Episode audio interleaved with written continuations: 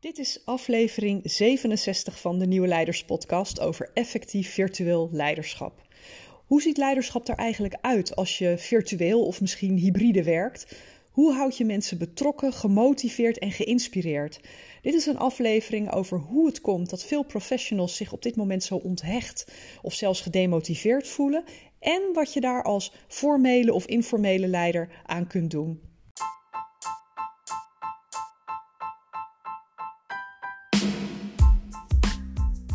Nieuwe tijden vragen om nieuw leiderschap. Mijn naam is Petra Kuipers en vanaf deze plek neem ik je mee op onderzoek naar hoe we nieuwe vormen van leiderschap kunnen ontwikkelen in organisaties, in teams en niet in de laatste plaats bij onszelf.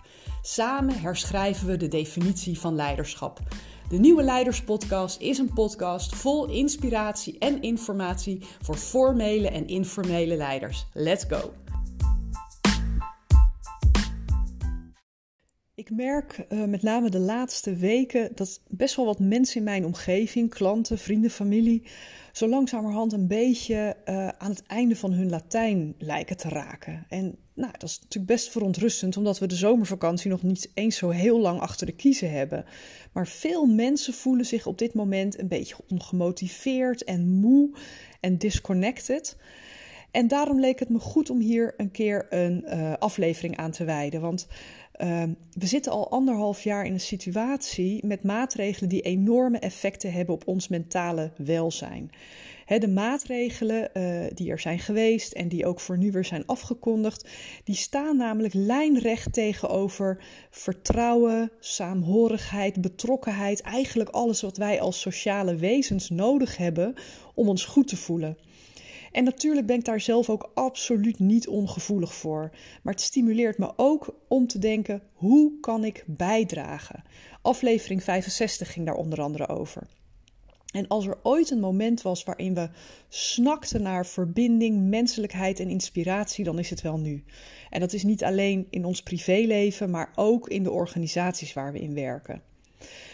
We hebben nieuw leiderschap nodig. Ik zeg het al vaker, maar we hebben leiders nodig die groepen, dus teams, afdelingen, organisaties kunnen verbinden aan een gezamenlijk doel. Niet per se op basis van, uh, van, van hiërarchie, van macht, maar op basis van presence. Hè? Echt waarnemen wat er nodig is. Goed kunnen luisteren. Mensen motiveren, inspireren en mensen aanzetten om hun potentie te benutten. En ja, dat klinkt natuurlijk allemaal heel mooi en, en, en verheven. Maar ik begrijp het helemaal als je denkt van ja, maar hoe dan? Hoe kan ik nu in mijn eentje uh, met mijn laptop van achter de keukentafel deze vorm van leiderschap in de wereld zetten? En dat snap ik ook. Want om leiderschap te ontwikkelen en uit te dragen zijn een paar dingen nodig. En in eerste instantie is dat bewustwording van waar de huidige tijd om vraagt en inzichten in wat er op menselijk niveau nu precies gebeurt op dit moment, wat voor behoeftes daarachter zitten. Maar daarnaast heb je natuurlijk ook gewoon ontmoetingen met anderen nodig om onze mening te vormen. Meningen zijn levende dingen die we aan elkaar moeten schuren en die we aan elkaar moeten, uh, uh, nou ja, uh, moeten uitleggen om hem zo eh, echt te laten evolueren. Want anders stolt hij en uh, dan stagneert de boel. Dus om meningen te kunnen laten evolueren, hebben we andere mensen nodig. En uiteraard heb je ook andere mensen nodig om je leiderschap überhaupt in de praktijk te zetten. Nou ja, zoals je misschien al weet, is het echt mijn missie om een beweging van nieuw leiderschap op gang te brengen. En dat is iets wat je niet geïsoleerd kunt doen, maar waar je juist het collectief voor nodig hebt. Hè? Een collectief bewustzijn, collectieve intelligentie, net hoe je het wil noemen. En dat ontstaat als je mensen bij elkaar brengt rondom een thema. Vandaar dat ik via al mijn kanalen, hè, eh, webinars, uh, mijn nieuwsbrief, uh, live of asynchroon, zoals nu met mijn podcast, uh, erop uit ben om ontmoetingen rondom een bepaald thema te organiseren. En het is mijn intentie om elke keer inzichten en inspiratie te geven waar je ook echt mee verder kunt. En het thema wat ik vandaag dus centraal wil zetten is: waarom voelen veel mensen zich nou zo disconnected en moe en wat kunnen we daaraan doen? En om maar te beginnen met dat gevoel dat, dat veel van ons wel herkennen, daar is een hele fysieke verklaring voor Om ons lekker in ons vel te voelen, speelt onze hersenhormoonhuishouding een grote rol. Meer specifiek een paar uh, uh, bepaalde neurotransmitters. Die zijn verantwoordelijk voor de communicatie in je hersenen en die bepalen hoe gelukkig, vervuld en verbonden we ons voelen aan onze omgeving.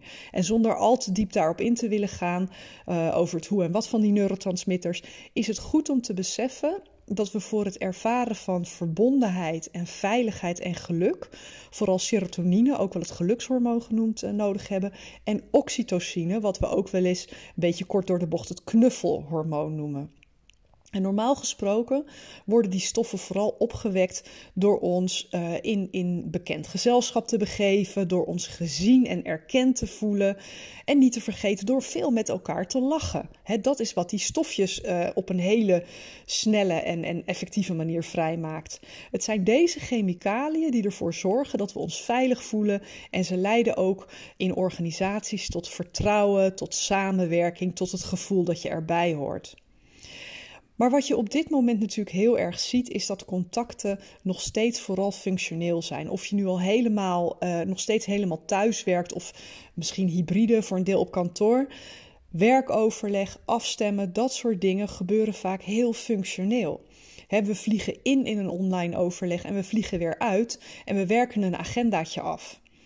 Maar wij mensen zijn van nature sociale wezens en door deze onnatuurlijke omstandigheden staat ons brein een groot deel van de dag in een stand die gaat over de uh, individuele uh, overlevingsmodus. Dus ik wil je meenemen in uh, twee thema's. Het ene is wat vraagt leiderschap op dit moment als je nog of helemaal virtueel werkt of hybride werkt. En het andere gaat over energie. En bear with me, ik, ik, ga er, ik ga er wat uitgebreider bij stilstaan. Als jij vooral nog met je team virtueel werkt, dus je ziet elkaar vooral alleen maar in de hokjes van Zoom of Teams of wat dan ook, dan verschilt je leiderschap op een paar punten van het leiderschap dat je laat zien als je elkaar wel steeds fysiek ontmoet. En een van de dingen is dat onzekere tijden altijd vragen om iets meer duidelijkheid als je jouw rol als leider invult, dan vraagt dat om onzekerheid te reduceren, maar ook om je omgeving te leren omgaan met meer onzekerheid. Dus aan de ene kant wil je heel duidelijk zijn in afspraken, duidelijke actiepunten naar aanleiding van overleg. En aan de andere kant wil je ja, de veerkracht van mensen om om te gaan met onzekerheid wil je vergroten. En dat kun je onder andere doen door uh, met elkaar scenario's door te nemen. Hè? Uh, hier staan we nu. Heel veel dingen weten we nog niet. Maar wat we wel weten is dat dit de mogelijke opties zijn zoals de toekomst zich gaat ontvouwen. Um, als je die duidelijkheid creëert, dan merk je dat, uh, dat een soort van ontspanning geeft, dat het een soort rust geeft in de groep. Hè, wat zijn onze doelen? Wat is ieders bijdrage daaraan? Niet uit uh, een gebrek aan vertrouwen dat mensen hun werk niet doen als ze dat thuis doen. Hè? Want inmiddels weten we na anderhalf jaar dat mensen heus wel uh, plichtsgetrouw en volwassen genoeg zijn om hun werk gewoon te blijven doen. Maar vooral om in deze uh, nog steeds onzekere tijd uh, te laten weten wat er van mensen verwacht wordt. Wanneer doe je je werk goed? En wat weten we al en wat weten we nog niet? En wanneer kunnen we een uitspraak doen over wat we wel weten? Uh, een ander ding wat je nu kunt doen is bijvoorbeeld wat meer structuur geven. Hè. Wees tijdens overleggen misschien ietsje strakker dan je normaal bent.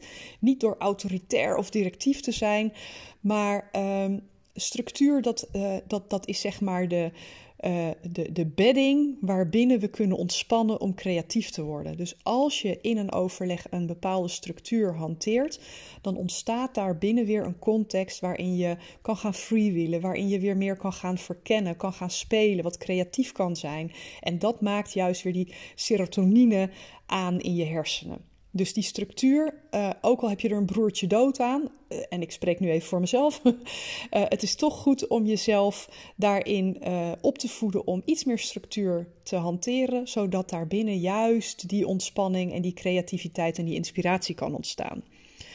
Maar ook blijf erkennen dat er onzekerheid is en dat dat oké is, dat dat normaal is.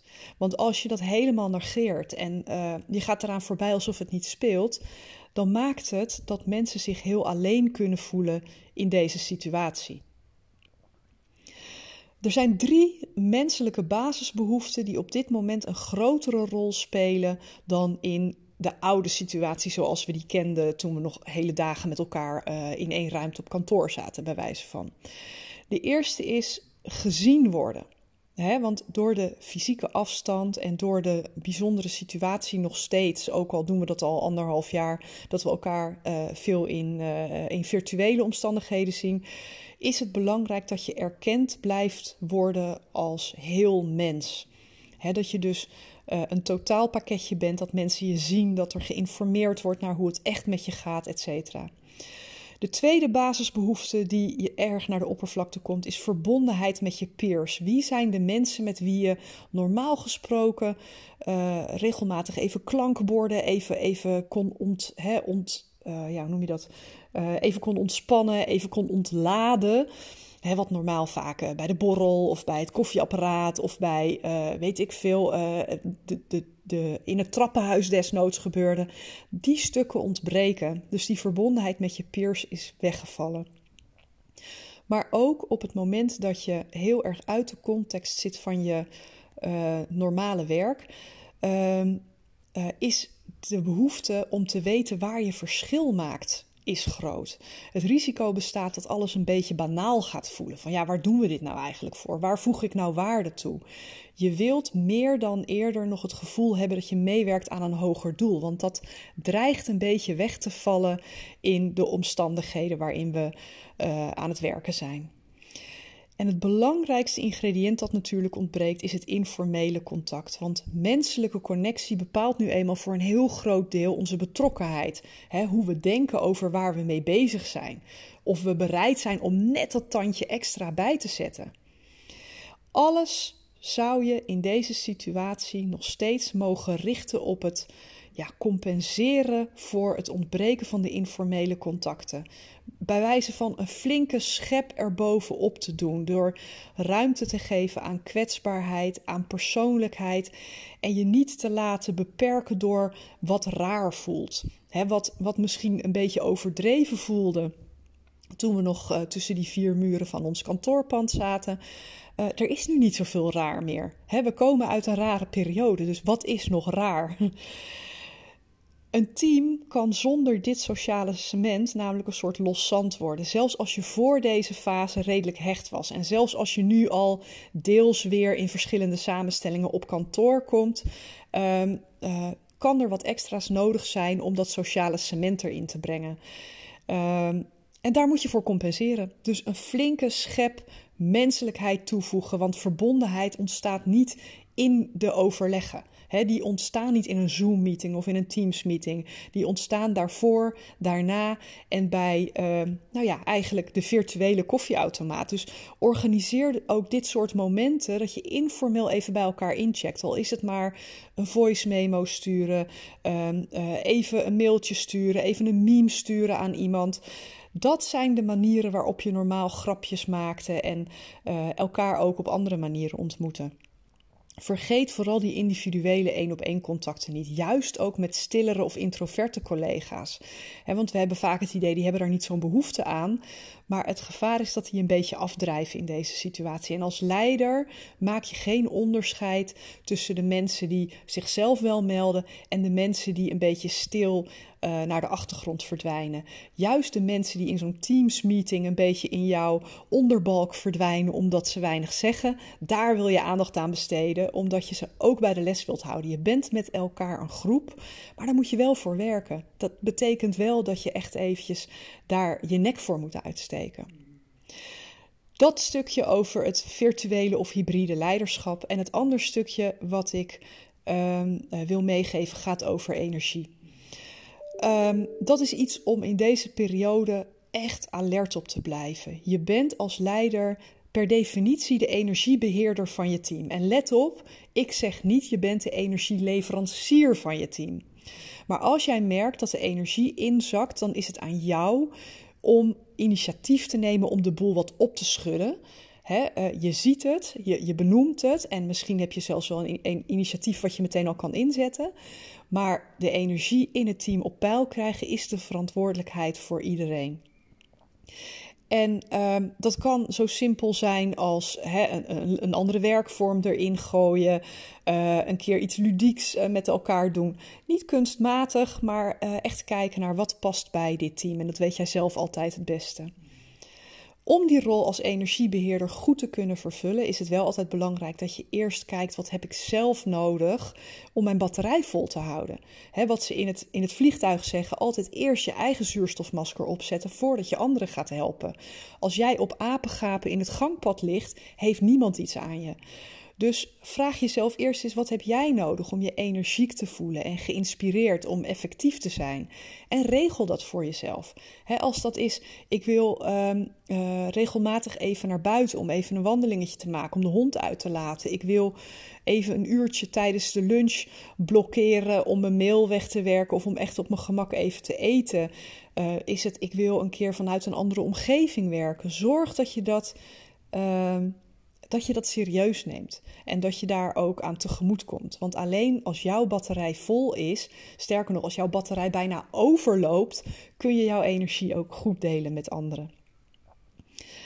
Ehm, op twee niveaus is extra, extra aandacht nodig om die energie op peil te houden.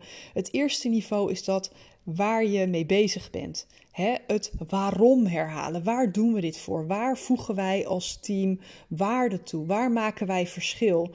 En uh, dat is het hogere doel waar je met elkaar aan werkt. Hoe passen we in de hele organisatie? Uh, en waar, uh, ja, waar, waar zit onze toegevoegde waarde? Dat heel visueel en tastbaar en voelbaar maken helpt enorm om de energie in een team op peil te, Ehm, eh, te brengen. Het waarom is als het ware de levenskracht. Hè? De ambitie die je met elkaar hebt, of de droom die je met elkaar hebt, of de noodzaak van jullie dienst of product of output. Dat is het bestaansrecht van jouw team. Dus dat niet voor vanzelfsprekend nemen, maar echt op de agenda zetten. Dat is een hele belangrijke om de energie erin te houden. Het andere niveau uh, gaat over het creëren van groepsidentiteit. je wilt groepscohesie creëren. Ook als je nog helemaal virtueel werkt of misschien hybride werkt. Uh, zorg dat je met elkaar genoeg vertrouwen hebt en verbinding hebt en trots hebt, zodat je je echt met elkaar betrokken voelt bij waar je mee bezig bent. En een manier om dat te stimuleren bijvoorbeeld is zorgen voor kortcyclische successen. Als je bijvoorbeeld met elkaar in een heel langjarig project zit, dan kan het extra energie geven als je probeert niet alleen oog te houden op die eindstreep, maar om ook tussentijdse ambities vast te stellen waar je met elkaar even echt je tanden in kan zetten, je schouders onder kan zetten, zodat je ook regelmatig bij wijze van de champagne even open kan trekken. Um, evalueer ook, regelma evalueer ook regelmatig um, hoe je samenwerking loopt. Hè? En stel eventueel bij, want uh, alleen maar doorgaan met output leveren of met waar je functioneel mee bezig bent. Het is natuurlijk qua productiviteit prima, maar het is ook heel goed om af en toe even de, de pijlstokker in te steken van jongens, hoe ervaren we dit nu? Wat zijn dingen die we nog anders kunnen doen? Hoe kunnen we het nog beter en effectiever en leuker ook maken? Ruimte om wat niet werkt bespreekbaar te maken en dat ook bij te stellen. dat zijn allemaal dingen waar je ook in deze situatie, waarvan we aanvankelijk dachten dat die heel tijdelijk zou zijn, maar die nu toch um, langduriger lijkt te zijn dan we ooit hebben gedacht. dit gaat helpen om met elkaar weer een nieuwe uh, ja, groepscohesie en identiteit te creëren. Nou, dat even voor vandaag. Uh, ik hoop dat als er iets um, voor je blijft hangen, dat je in ieder geval gaat nadenken over um, hoe kan ik vanuit mijn rol, vanuit mijn circle of influence, vanuit waar ik invloed op kan uitoefenen, um, mensen meer verbonden en betrokken gaan voelen. En ik hoop dat ik je daar een aantal handvatten voor aan de hand heb gedaan. Uh, tot zover. Ik spreek je heel graag weer bij de volgende aflevering. Dankjewel voor het luisteren naar de Nieuwe Leiders Podcast. Was deze aflevering waardevol voor je? Door hem te delen of een recensie achter te laten, help je nog veel meer mensen om de Nieuwe Leiders Podcast te vinden. En vergeet niet de podcast te volgen zodat je niets meer mist. Ik tref je graag bij de volgende aflevering.